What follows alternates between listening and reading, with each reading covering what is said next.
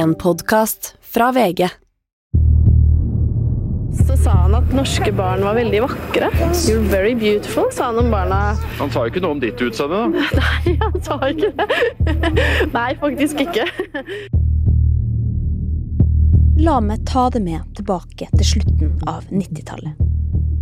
Nærmere bestemt de ikoniske årene 1998 og 1999. Årene da E-Type ble funnet i vannkanten i ei rustning i forbindelse med den internasjonale hitlåten Angels Crying, og Stig van Eijk vant den norske MGP-finalen med Living My Life Without You.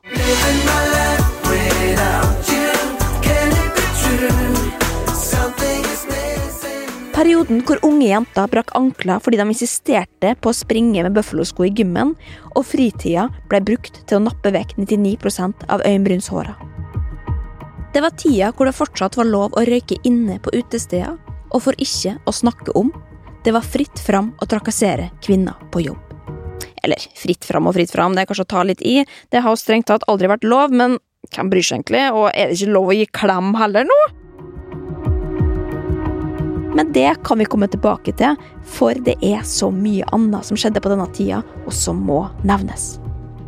Eksempel det at NRK lanserte dataspillet Mojaffa-spillet, der en fyr med ja, en slags gebrokken uttale, norsk uttale, da, eh, chains og capsen bak fram, cruisa rundt i BMW-en sin på østkanten i Oslo og plukka opp babes, da, som han da altså fikk poeng for å knulle i baksetet. Walla, jeg lover deg, vi skal cruise rundt i hele byen. Grønlandsleire, Tøyengata, hele driten. Få slutt på cola, skåre deilig norsk blindini, Hilse på alle våre brudre. Men hvor skal vi bygge BMW. Et spill som jeg for øvrig koste meg veldig med, altså. Eh, all den tid, i hvert fall, hvor jeg ikke så på ja, Fox Kids, TV 1000 eller Pinky and the Brain på Cartoon Network. Du, Brain! Hva skal vi gjøre i kveld? Det samme vi gjør hver kveld, Pinky. Prøve å overta verden. For Pinky og hans bror, de har en plass Og det var årene der valutaen i skolegården besto i klistremerker, Droccoheads og Pogues, og Britney Spears for alvor klatra seg fra kjøpesenterturné og opp på hitlistene. For ikke å glemme at Scooter stilte et av vår tids viktigste spørsmål, nemlig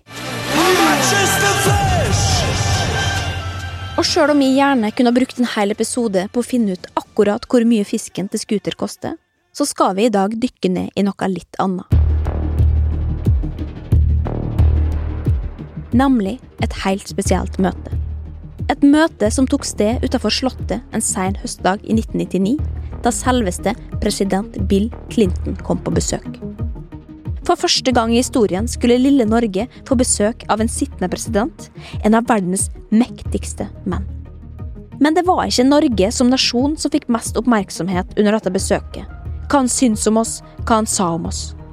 Nei, dette er historien om da Bill stoppa opp foran en kvinnelig barneskolelærer og så henne inn i øynene, og hele verden stoppa opp. Og etter det blei ingenting det samme.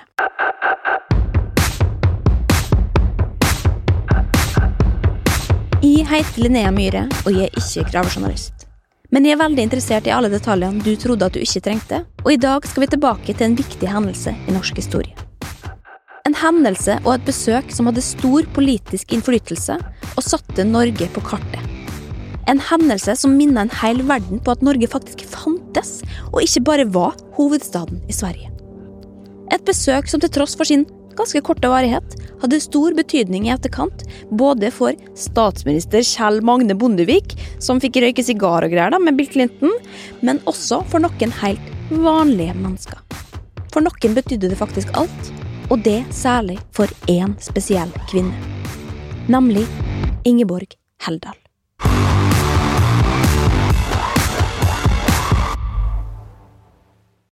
For dere som ikke kjenner til Bill Clinton og hans historie, så må vi ta en kjapp recap. For dette er altså mannen som var USAs president fra 1993 til 2001. Og sjøl om noen, altså i hvert fall to-tre stykk, ønsker å huske Bill som demokraten som fikk orden på amerikansk økonomi, så er det noe helt annet folk flest husker han som. I did not have sexual relations with that woman. Ja, nettopp, ja. Skandalen med Monica Lewinsky. Da USAs president, til tross for å være gift med Hillary Clinton samtidig, blei beskyldt for å ha hatt et hemmelig forhold med en 21 år gammel kvinnelig praktikant i Det hvite hus. Ei ung jente med mørkt, fyldig hår og tynne øyenbryn. Et selvsikkert smil i en ung kvinnekropp, iført voksenklær og voksenjobb. Da Bill ble beskyldt for at dette skulle ha skjedd, så nekta han. Og det fortsatte han egentlig å gjøre også. Til og med under ed så fortsatte han å nekte, helt til sannheten sakte, men sikkert kom fram i lyset via noen samtaler tatt opp der Monica snakker om forholdet hun har til presidenten. I can't take it anymore. I know, I know. Oh my god. It's too much for one person. For dette er altså snakk om en seksuell relasjon som skal utvikle seg mellom en forelska, ung og uerfaren praktikant og en voksen, gift president. Men Bill har fortsatt å blånekte, han. Men det er når DNA-et hans, eller nærmere bestemt sæden hans, blir funnet på en av Monica sine kjoler, at han kommer på at han ja, kanskje har hatt en seksuell relasjon til henne likevel. Men ikke på den måten det opprinnelig blir lagt fram, faktisk. Og derfor så mener han at han ikke har løye under ed i det hele tatt. I thought the definition included any activity by the person being deposed where the person was the actor and, and uh, came in contact with those parts of the bodies with the purpose of intent or gratification and excluded any other activity. For example, kissing's not covered by that, I. Nei, så det da altså Bill mener at skal ha skjedd her, da, er jo da at det er Monica som har hatt sex med han, og ikke motsatt. Og derfor så er det jo selvfølgelig hennes feil, og han er faktisk bare offeret her, som har blitt ufrivillig sugd av en 27 år yngre ansatt. Fy faen, altså, jeg hater når det skjer. Og når det er sagt, så er det ikke første gang han blir beskyldt for noe lignende. Bill har altså en rekke anklager bak seg for å ha både trakassert og forgrepet seg på kvinnelige kollegaer tidligere. Men Bill han har selvfølgelig sluppet unna, fordi han Bill er så god med økonomi, han, og det er jo tross alt litt viktigere enn kvinners rett til å gå på jobb uten å risikere å måtte suge noen for å være grei. Kvinner er jo tross alt bare et konsept konstruert for å tilfredsstille mannen, og noen må faktisk styre verden her, tenk, og det er det kun menn som får til. Men når det er sagt, saken får konsekvenser, og Bill blir faktisk stilt til riksrett. Men han blir nå frikjent, selvfølgelig, og etter et par måneder med ja, litt motgang og jadi jadi bla bla bla og sånn i media, så er det egentlig bare rett tilbake på jobb, altså, og ansatte ny praktikant. Mens Monica, hun har mista jobben, naturligvis, i tillegg til at hun nå blir slutshama, fatshama og latterliggjort i rikspressen. Just another day in America. Meanwhile i Norge. Vi har kanskje ikke president, men vi har statsminister, og han heter Kjell Magne Bondevik. Den kristne presten fra Molde som klatra seg oppover den politiske stigen og ble leder for Kristelig Folkeparti. En mann det for øvrig er veldig lett å like, og som har marsipan som sin favoritt-twistbit, og det vet jeg faktisk fordi jeg spurte ham på Twitter, og som tidligere har vært åpen om tunge tider med depresjon. Det har gått et knapt år siden Bill Clinton ble stilt for riksrett for å ha ligget med sin 27 år yngre praktikant. Og sjøl om verden går videre og han per definisjon fortsatt er en av verdens mektigste menn, og sånn, så er de fleste oppegående mennesker enige om at han kanskje ikke er verdens kuleste fyr lenger. Fleste anser han rett og slett som en hva kan man si, utro overgriper med dalende popularitet, og som nå sitter i sitt ovale kontor med ei hånd på pikken og den andre på den røde atomknappen. Og man skulle tro at han var dømt til å sitte der alene til presidentperioden gikk ut, og at ingen hadde lyst til å ha noe med han å gjøre. Men nei da. For er det én som digger Bill Clinton, så er det Kjell Magne Bondevik. Kjell Magne har nemlig vært på besøk i Det hvite hus tidligere, han, og de to skal visstnok ha funnet tonen. Fordi de to skal nemlig være jevngamle og Kjell Magne han slår stadig på tråden bort til USA for å høre hvordan det går, spørre om noe råd, tjenester og ja, gudene veit, altså, kanskje sende om noe M&M's i posten, noe white strips.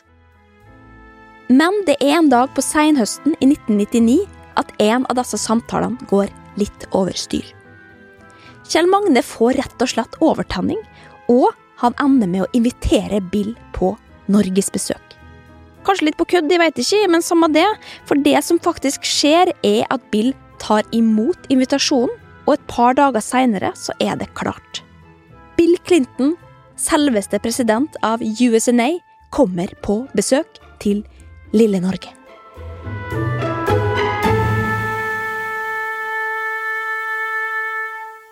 VG slår det opp på forsida. William Jefferson Clinton ankommer Oslo 2. november. Det er aller første besøk i Norge av en sittende president. Ja, og så fortsatte han da, for det er jo selvfølgelig ikke grenser da, vet du, for hvor spesielle Norge er i denne anledninga.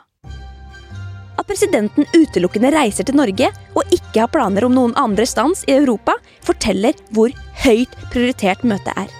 Og ja, det er faktisk helt sjukt hvor best Norge er akkurat nå. Og hvis VG er stolt, så kan du bare tenke deg hvor stolt Kjell Magne er. Bare hør her. Det var en svært tilfreds Bondevik som i går kveld meddelte den helt personlige bakgrunnen for at Norge for første gang får besøk av en sittende amerikansk president. Vi fikk et klart inntrykk av at Bill Clinton virkelig ville besøke Norge. Vi merka det på han at han ville komme. Det er altså en stor dag for Kjell Magne og for resten av landet. Endelig blir vi prioritert og sett av utlandet. At det er av en kontroversiell og angivelig overgriper, det får bare være, også, for nå er det bare å rydde kontoret, åpne Twist-posen og røyke ferdig laksen, for endelig kommer president Bill to town. Og én ting er nå at Bill kom på besøk for å spise Twist og sikkert eh, prate litt skit med Kjell Magne, men hovedgrunnen til visitten skal visst være i forbindelse med noe ja, fred Midtøsten-greier, da, som også involverer en del andre viktige og såkalte ettertrakta israelske statsledere. Som jo øker selvfølgelig risikoen for Oslo som et terrormål med omtrent ja, milliard prosent, og VG skriver at norsk politi vil få sin svetteste dag på jobb noensinne. Politistyrker fra inn- og utland er nå spredt utover hele Oslo, og kvartaler av byen blir sperra av. VG beskriver det som en to dagers unntakstilstand. Men risiko for blodbad i Oslos gater til tross, Kjell Magne, han inviterer. Og mens Secret Service, et par potensielle terrorister og resten av verden zoomer inn på lille Norge, så sitter ei ukjent kvinne og forbereder seg til en litt annerledes dag. Hun heter Ingeborg Heldal og er barneskolelærer for klasse 4A på Uranienborg skole i Oslo.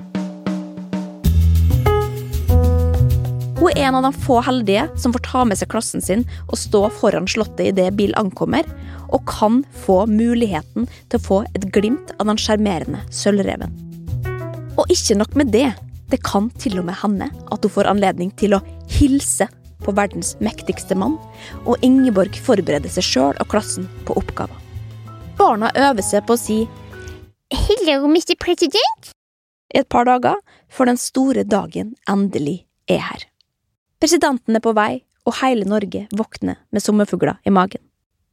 Pressa har i flere dager spekulert i hvilket hotell presidenten kanskje skal eller ikke skal bo på, og har store forventninger til content de nærmeste dagene. Ingeborg på si side har ingen forventninger. For for Ingeborg så er dette bare nok en dag på jobben, og hun samler de mørke krøllene sine i en strikk, legger litt farge på leppene. På vei ut av døra kaster hun bare på seg noe, ei random jakke, som tilfeldigvis er en blå kåpe med blå pelskrage, og med det er hun klar for å få et glimt av presidenten. Det er en grå dag i Oslo. Regnet ligger lett i lufta, og novemberkulda har offisielt kommet til hovedstaden. De nesten 1000 menneskene som har samla seg opp foran Slottet, står tett i tett og hutrer mens de veiver spent med norske og amerikanske flagg. Folkemengden strekker seg nedover langs fortauene av Karl Johan så langt øyet kan se, Og sikkerhetsvakta til en verdi av 68 millioner kroner står strategisk plassert rundt. Bevæpna politi i gatene, skarpskyttere på slottstaket. Secret Service med nymotens Bluetooth-propper i ørene, og politihelikoptre hengende lavt over slottet. Høres koselig ut. Første kanon! Avfyres en 21-skuddssalutt som en velkomsthilsen, mens folkemassen jubler for harde livet, fekter med flaggene sine. Bilkortesjen glir opp mot slottet, perfekt synkronisert, før de puller opp én etter én. Og ut ifra det som viser seg å være en intet mindre enn en svart limo, stiger en dresskledd herremann ut ved navn Bill Clinton.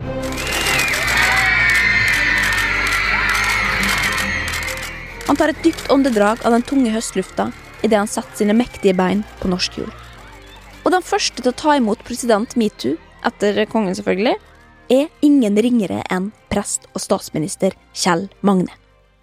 Endelig er den jevnaldrende bestekompisen fra USA her, i Kjell Magne sitt eget hjemland, og gjett om Norge nå blir imponert, nå som «I har fått han Bill hele veien fra Det hvite hus. Og sammen så slår de av da, noe høflige fraser sikkert, før de da altså går opp i retning Slottet. For Bill har nemlig ikke kjørt helt til døra, slik som han lett kunne ha gjort. Nei, Bill har parkert langt ned i veien, han, og nå skal han altså gå hele veien opp til Slottet. Og med alle de tusen sine oppmøttes blikk, samt 68 millioner kroner våpen, Bluetooth og helikopter retta mot seg, så tar Bill beina fatt og begynner å rusle i retning Slottet. Folk står tett i tett langs veien opp mot Slottet. Bill vinker høflig mens han passerer dem, smalltalker litt med kongen, med Kjell Magne. Tar ei pause og vinker, nikker og smiler, tar imot jubelen fra den norske fansen. En vanlig dag på jobb for kongen av metoo, og han nærmer seg sakte, men sikkert Slottet. Men så For langs veggen av mennesker, flagg og overtenning oppe på fortauet står barneskolelærer Ingeborg.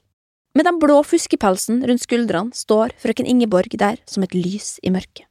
Det svarte håret krøller seg enda mer i den fuktige lufta, og kulden gir rosa i kinnene. Den hvite tennene hennes seg opp i et stort smil, og de mørke, men vennlige øynene inviterer inn. Ingeborg gløder. Meanwhile nærmer 55 år gamle Bill seg Slottet. Og det er kanskje mellom et par utvekslinger med Kjell Magne som spør uh, Have you ever tasted the Norwegian cheese called brunost? at han legger merke til henne. Ingeborg. Den mørke kvinna i folkemengden, omringa av barn. Bill bråstopper. Kan det virkelig være? Han stirrer ut i lufta. 68 millioner skattekroner stopper opp og følger blikket til Bill. Holder pusten. Mens Kjell Magne i bakgrunnen mumler et eller annet, sikkert noe typisk norsk som You know, Mr. President, we also have a thing called velferdsstat. Men Mr. President hører ikke. Nei, Mr. President har fått øye på Ingeborg Heldal. Og mens Kjell Magne spør Bill hva favorittvisten hans er, så har Bill nå skifta retning. Og mens journalister med telelinse og skarpskyttere med AG3 følger skrittene hans, går Bill i retning Ingeborg og skoleklassen hennes. Og plutselig står han der. Rett foran henne. Verdens mektigste mann. Og nå strekker han ei hånd ut mot Ingeborg og ser henne rett i øynene.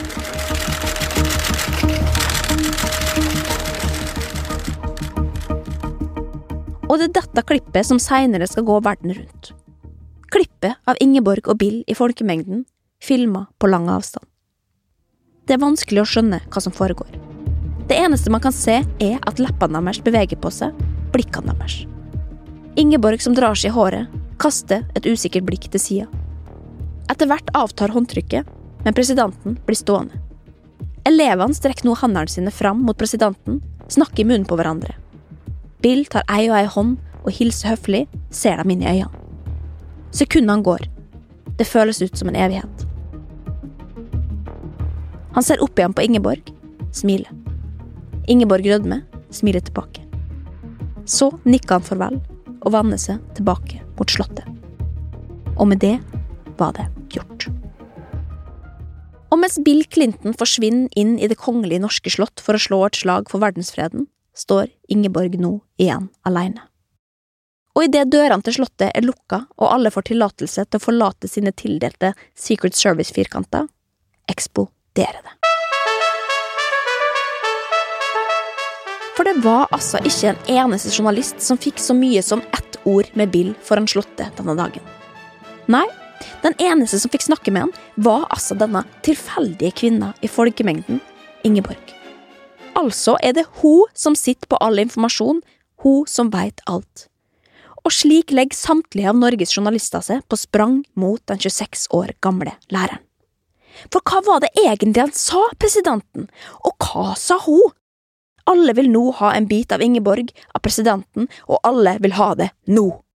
Og i et intervju med TV 2 kort tid etter møtet, så forteller hun faktisk hva som skjedde, og som blei sagt. Så sa han at norske barn var veldig vakre. You're very beautiful, sa han om barna. Og så sa vi at hvis det var en ære å få hilse på ham. Ja, ok, og da hører vi jo her egentlig hvor chill Ingeborg er altså litt forfjamsa da, riktignok, men det høres egentlig bare ut som at ja, forstår, liksom, at folk lurer og forteller hva som har skjedd, og ferdig med det. Next. Problemet er bare at det ikke er helt nok det alene for journalistene. For ja da, ja da, ja da, vi hører at du sier at han var hyggelig og sånn, og at han skrøt av barna, at han var så pen og bla, bla, bla, men det må jo også være lov å spørre. Han sa jo ikke noe om ditt utseende, da? Nei, han sa ikke det. Nei, faktisk ikke. For sjøl om det ikke kommer fram i disse intervjuene utenfor Slottet, så er det en aldri så liten elefant som ligger i den våte novemberlufta. For det kan nemlig være at noen, nærmere bestemt Medie-Norge, syns at Ingeborg Heldal minner om noen. For det kan jo ikke være tilfeldig at Bill Clinton gikk bort til ei mørkhåra ung kvinne med tynne øyenbryn og rosa i kinnene. Nei, alle er enige om at det må være av én spesiell grunn. Og det er at Ingeborg rett og slett ligner på Bill Clintons tidligere elskerinne, Monica Lewinsky. Ingeborg fortsatte å la seg intervjue utenfor Slottet mens elefanten tramper fram og tilbake. Og sjøl om egentlig ingen konfronterer henne med det sånn ordentlig, så er det likevel det eneste alle snakker om. Og i avisene dagen derpå så skrives det side opp og ned om møtet med Bill og denne mystiske kvinna, som altså heter Ingeborg Levi... Nei, Ingeborg Heldal. Og nå må jeg bare si det, jeg veit ikke hva Ingeborg tenkte under verken møtet med Clinton eller mens hun gjorde alle disse intervjuene i etterkant.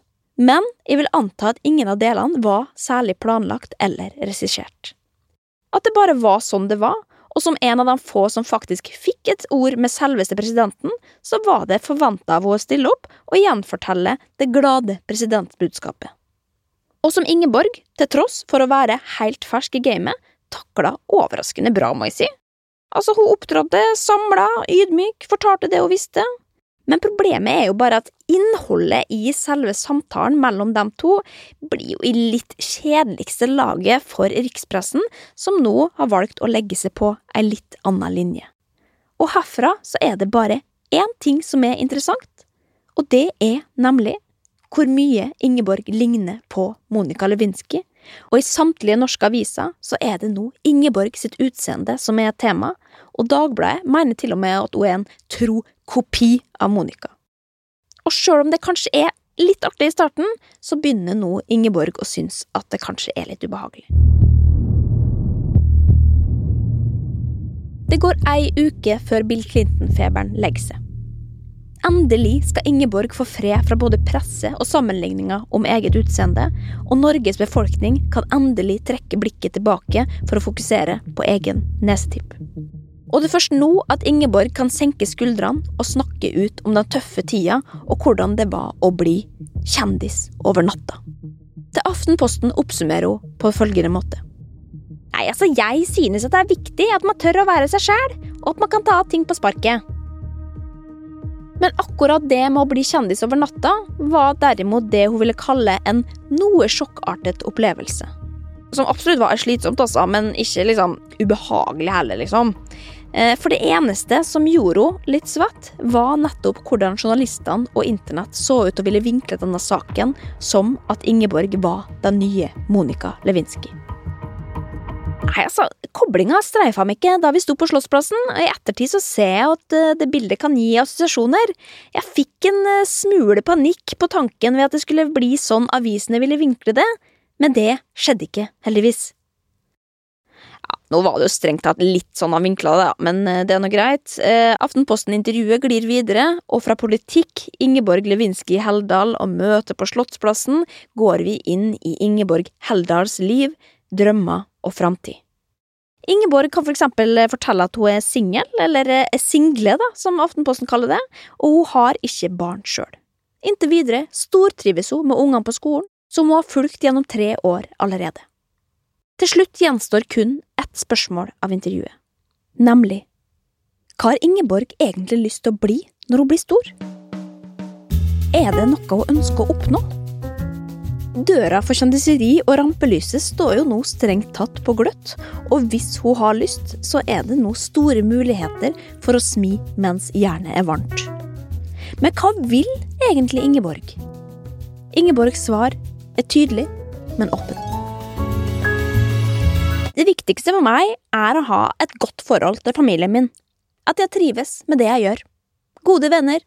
Økonomisk trygghet. Og det sier jeg selv om jeg er lærer. Og det, mine damer og herrer, det er sånn man skal tenke, altså. For for Ingeborg så er det ikke så viktig hva hun gjør, så lenge hun har det bra. Så lenge hun har smør på brødskiva og en god venn å ringe, så er det egentlig ett fett, altså, om hun er kjendis, lærer eller Monica Lewinsky, for den saks skyld. Det som skjer, det skjer. Som jo betyr at dersom ingen skulle bry seg noe om meg, så er det helt greit. Men dersom et eller annet TV-program skulle slå på tråden på hennes 32-tid og spørre om hun har lyst til å komme på besøk, samme hvem egentlig, så er hun ikke fremmed for det heller, liksom. Så idet et nederlandsk talkshow ringer og spør om hun ikke kunne tenke seg å komme på besøk, så sier Ingeborg selvfølgelig ja. Og hun pakker med seg sine peneste tresko og en oransje boa og satse på et fly. Og det kun for å bli ønska velkommen på denne måten.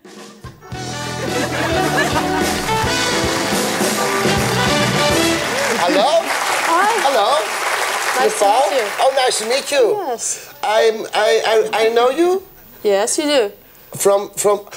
Oh, shit, you, are Monica Lewinsky from, Oslo, from Norway. Ach, verrek. Ach, verrek. Sit down. Hebben we gezien Lewinsky had weer Monica. And you are the girl. Oh, fantastisch. S- sit down, please. How was she? Sit down. What's your name? Ingeborg.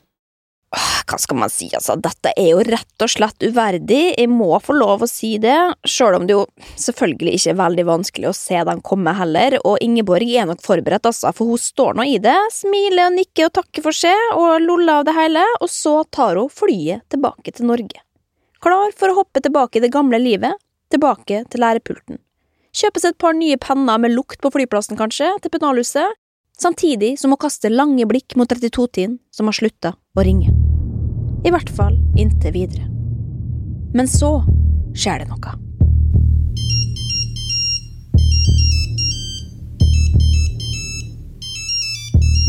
For innen Ingeborg har rukket å gi opp håpet, så slår selveste NRK på tråden, nærmere bestemt Fredrik Skavlan. Eller, nå jeg ikke om det var akkurat Fredrik himself som ringer, da. han har vel rukket å blitt eh, høyt på strå på dette tidspunktet, og har sikkert folk til å ringe for seg sånn, men Ingeborg får i alle fall et anrop fra NRK, og få dager seinere så sitter hun i stolen hos Fredrik Skavlan i Først og sist. Den andre gjesten i studio er selveste Georg Anker Hansen fra Hotell Cæsar, som er der i anledning for å nettopp ha dødd i samme serie, og etter å ha småtaka litt med han først, så ønsker Fredrik Ingeborg endelig velkommen inn. Du, Det finnes enda underligere ting å bli kjent for. Ehm, nå skal vi få inn en her som var veldig berømt for et par uker siden, og du husker henne sikkert fremdeles.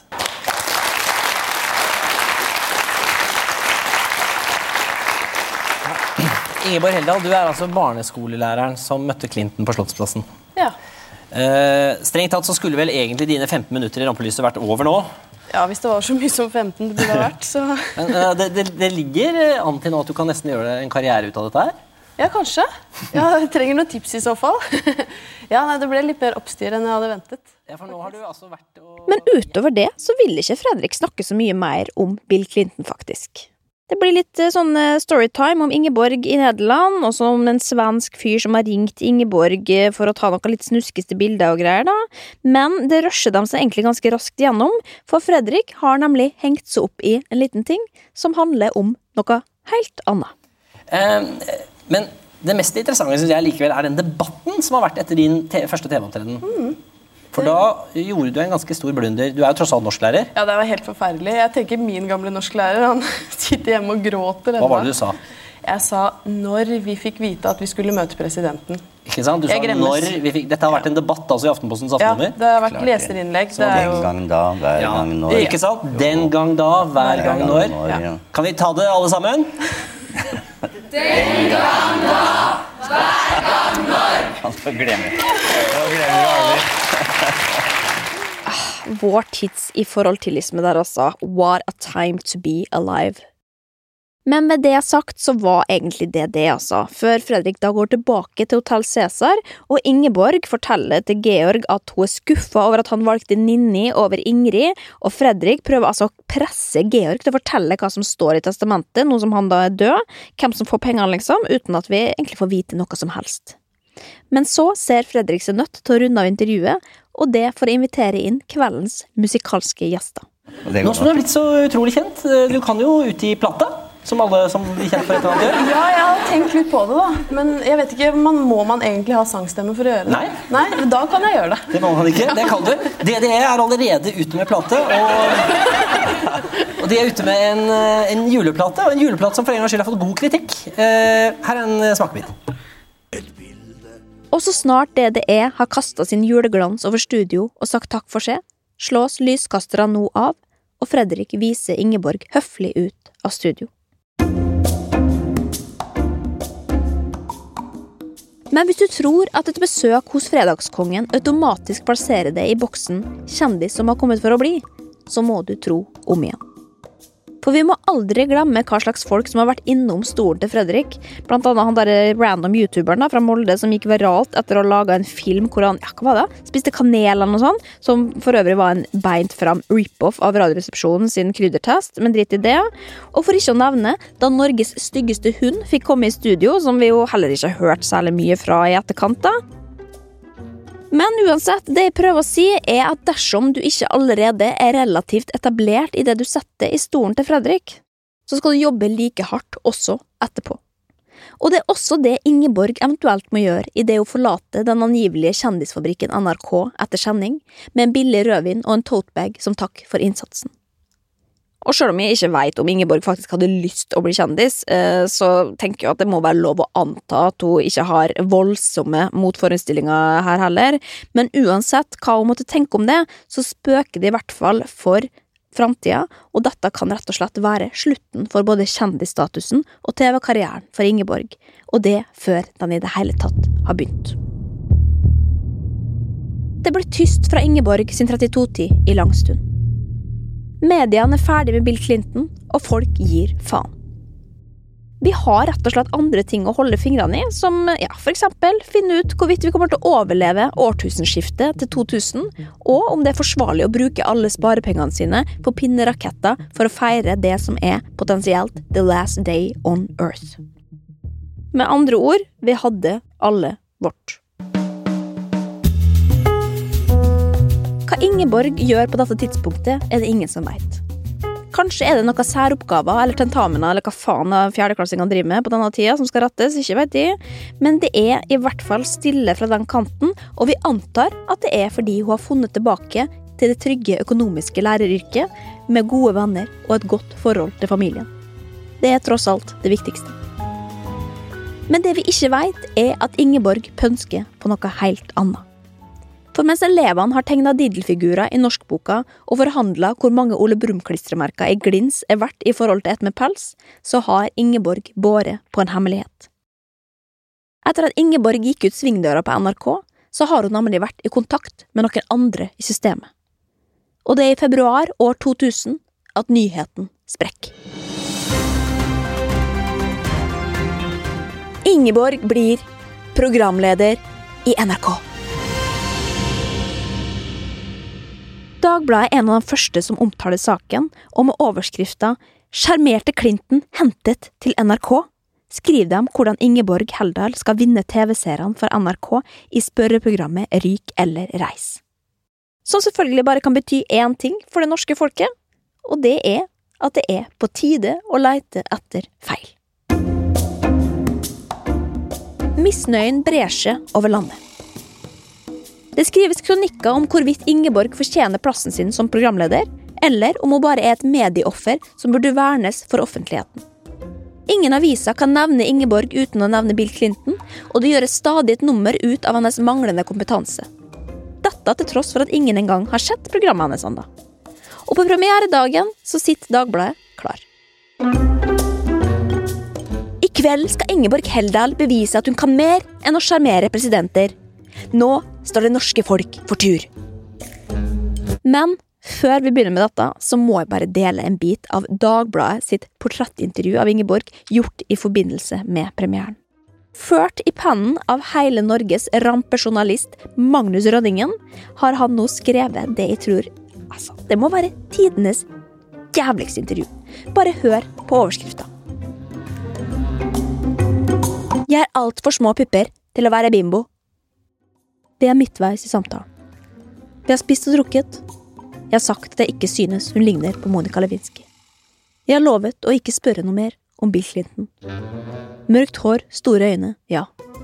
Monica Lewinsky? Nei. Men det er jo ikke til å komme utenom, Ingeborg. Vi må prate om eh, mannen med stålhåret. Ja, og til tross for at dette er kanskje den verste åpninga jeg har lest i et intervju noensinne, så svarer Ingeborg som alltid høflig. Jeg og Bill eh, snakket kanskje i ett minutt sammen. Det var litt sånn Hvem er du? Så du er læreren til disse barna? Hm, søte barn. Han var liksom sjarmtroll. Typen som kunne vært eh, kameraten til pappa. Veldig sympatisk. Ja, og Så bruker Magnus da halvannen side på å gjenfortelle Clinton-historien, og for å så mansplaine hvordan det indirekte var Bill som ga Ingeborg muligheten til å nå være programleder, og deretter så lover han at han er ferdig med Clinton, og Ingeborg puster letta ut. Før han plutselig spør Er du en bimbo? Altså, hva Ingeborg vet jo selvfølgelig ikke noe annet enn å prøve å svare på dette noe utydelige spørsmålet, og gjør det kvinner ofte gjør når de får sånne spørsmål, prøve å le det bort. Nei, jeg har altfor små pupper til å være bimbo. Men så svarer hun ordentlig, da. Men ærlig talt, jeg har aldri utgitt meg for å være journalist, og jeg skal heller ikke levere noe journalistisk produkt. Tre års erfaring som lærer mener jeg er et godt fundament. Ryk eller reis er tross alt familieunderholdning, og jeg hadde ikke sagt ja til hva som helst. Jeg står inne for programmet, jeg har vært med på å utvikle det selv, og jeg har gjort mitt beste. Etter alt oppstyret er fallhøyden stor, men jeg håper i hvert fall at noen blir positivt overrasket. Og boom, Ingeborg, altså, that's how you do it. Og jeg vet ikke om jeg skal le eller gråte altså, at det takras av et intervju, og jeg lurer på hvor mange kvinner som har forlatt rampelyset utelukkende på grunn av denne type spørsmål og intervjuer, eller journalister for den saks skyld. Og det er derfor det er så innmari deilig at premiera av Ryk eller reis går så inn i helvete bra. Eller inn i helvete bra, det er overdrivelse, men det går ganske bra. Bra nok til at mandagen etter premiera så presenterer VG programmet som en av ukens vinnere, hvor de da kan melde om at Ingeborg Heldal, eller Bill Clinton-babyen, da, som de kaller henne, topper NRK-statistikken med over en halv million seere. Og slik fortsatte det. For uke etter uke så slår det norske folk på TV-en for å se Ingeborg styre showet. Og til tross for at det kanskje ikke er verdens mest nyskapende program, så lar både barn og voksne seg underholde, og stadig flere får sansen for den blide Grøttum-jenta. Og det er i det siste program går på lufta, at VGs anmelder og journalist Stein Østbø oppsummerer debuten i en kommentar med overskrifta Helt Heldal. Ingeborg Heldal har kanskje den mest famøse inntreden i norsk fjernsynsverden noensinne men har i løpet av sommeren klart å gjøre de fleste kritikere tause. Svenneprøven er bestått, og nå begynner jobben. Ja, og der sa du det, altså, Stein fuckings Østby. Det er nå det begynner, og det er nå opp til Ingeborg om hun tar utfordringa. Og det, mine damer og herrer, det kan du fader meg altså banne på at Ingeborg gjør. For etter at Ryk eller Reis går av lufta, så får Ingeborg, i motsetning til en del andre, da, fortsette i NRK. Nei, Ingeborg er rett og slett flink. Men det holder selvfølgelig ikke bare å være flink, og det er stadig noen tema som blir brakt på banen. Det første handler om utseendet hennes, og hvorvidt hun egentlig bare får jobbe som programleder i kraft av at hun er pen. Som jo selvfølgelig er helt umulig å svare på, da, uten at du må gå med på at du er pen, så den er noe grei. Og det andre handler selvfølgelig om hvorvidt hun er kvalifisert til jobben hun gjør, og ikke minst Clinton-gate. Om Ingeborgs karriere bare er et resultat av et håndtrykk fra Amerikas president, og at hun egentlig ikke kan noe som helst. Og det er i podkasten Bra damer med Guri Solberg i 2018 at Ingeborg forteller hva hun måtte gjøre for å kunne fortsette.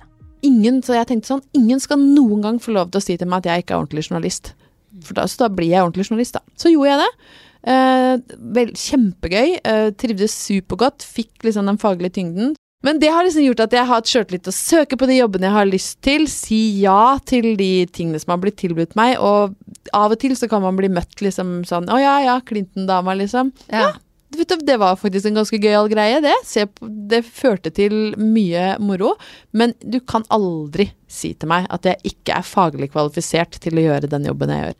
Og det var superviktig for meg. Og til tross for at 4A på Uranienborg satt år inn og ut og venta på at Ingeborg skulle komme tilbake, så gjorde hun aldri det. Nei, Ingeborg tok utdannelse i journalistikk og fikk jobbtilbud etter jobbtilbud i årene som kom. Hun jobba som både redaktør i Side 2 og Cosmopolitan, og gikk fra å være skribent i KK til å bli redaktør. Hun har deltatt i TV-program som både ekspert og journalist, og det er få i bransjen som har et så godt rykte som Ingeborg. Og Clinton-greia? Altså, get over it. Nei, Ingeborg har alt på stell, og ingen kan fortelle henne noe annet. Og hvis 4A på Uranienborg skole den dag i dag fortsatt sitter i klasserommet og venter på at Ingeborg skal komme tilbake, så kan jeg si det nå først som sist. Det er bare å gi opp. For Ingeborg har kommet for å bli.